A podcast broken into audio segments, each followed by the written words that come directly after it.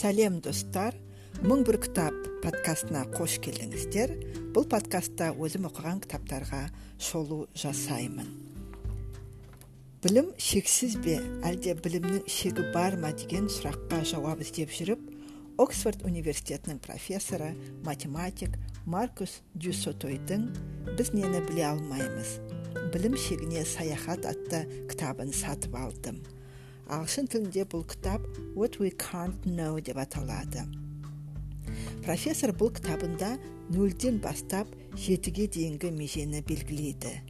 Нөлінші межені белгілі бірақ белгісіз. Немесе белгілі бірақ беймәлім деп атайды. Біз білетін нәрседен бастап ешқашан біле алмайтынға ал одан шексіздікке дейінгі жол. Біз нені білмейміз және, және нені біле алмаймыз. Автордың айтуынша біздің өнертабыстарымыз бен ғылымдағы жаңалықтарымыздың тізімінен гөрі білмейтініміз туралы білім тезірек ұлғаятындай әсер қалдырады. Белгіліні беймәлім белгілі басып озып жатыр. Бірақ дәл осы беймәлім нәрсе ғылымды алға жылжытады. Біз нені білетінімізді білеміз. Нені білмейтінімізді де білеміз.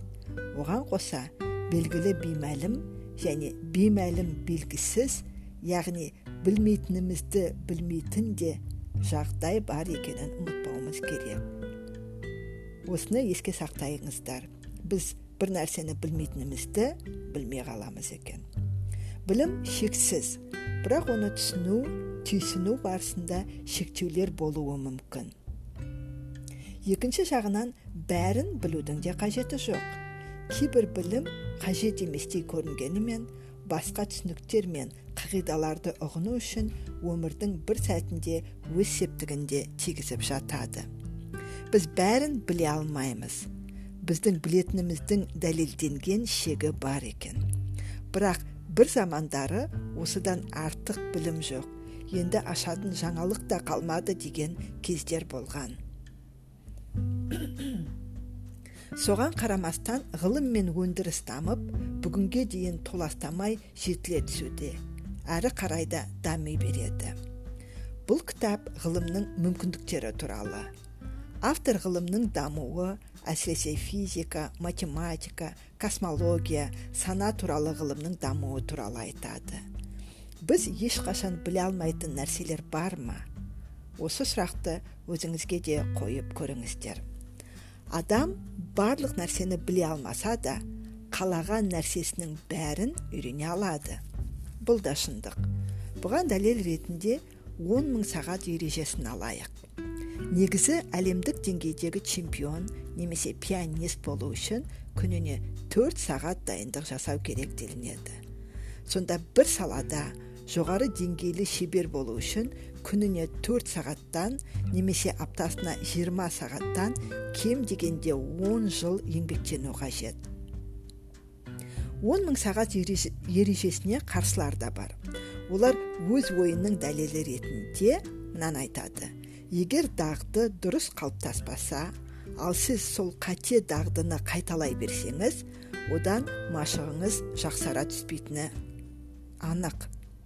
Сондықтан бөлінген сағаттан гөрі жаттығу мен жұмыстың сапасына көп көңіл бөлген жөн екеніне назар аударады. Мысалы ағылшын тілін үйренушілер бірден мен қашан осы тілде сөйлеймін немесе бір деңгейді қанша уақытта аяқтаймын? деген сұрақты қояды. Және бұл мақсат сияқты өздеріне. Мұндай сұрақ қоюшыларға қанша уақытта нәтижеге жететіні маңызды. Бірақ олар нәтижеге жету үшін өз тарапынан күш жігер тәртіп жүйелілік пен табандылықтың қажет екенін ұмытып кетеді. Қанша уақыт қажет екенін естігенде мысалы тілді белгілі бір деңгейде үйрену үшін кем дегенде бір жыл керек. Бұл оларға тым ұзақ уақыт сияқты. Сондықтан тіпті тіл үйренемін деген ойларынан да бас тартып жатады. Бірақ білім тамшылап аққан су сияқты.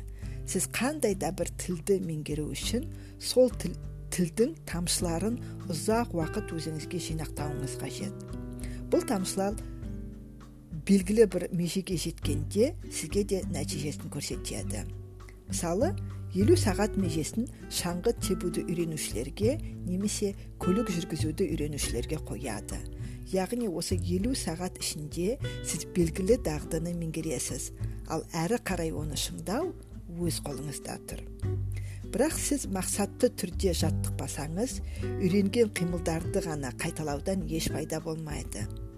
Сіз дағдыңызды жетілдіре түспейсіз. Сізде алға жылжу болмайды. Ал нағыз мамандар үйренуді ешқашан тоқтатпайды. Олар үйренгісі келген әрекетті дұрыс немесе кемшіліксіз жасағанша қайталап сол әрекетті мінсіз қылуға тырысады. Бұл барлық салаға да қатысты.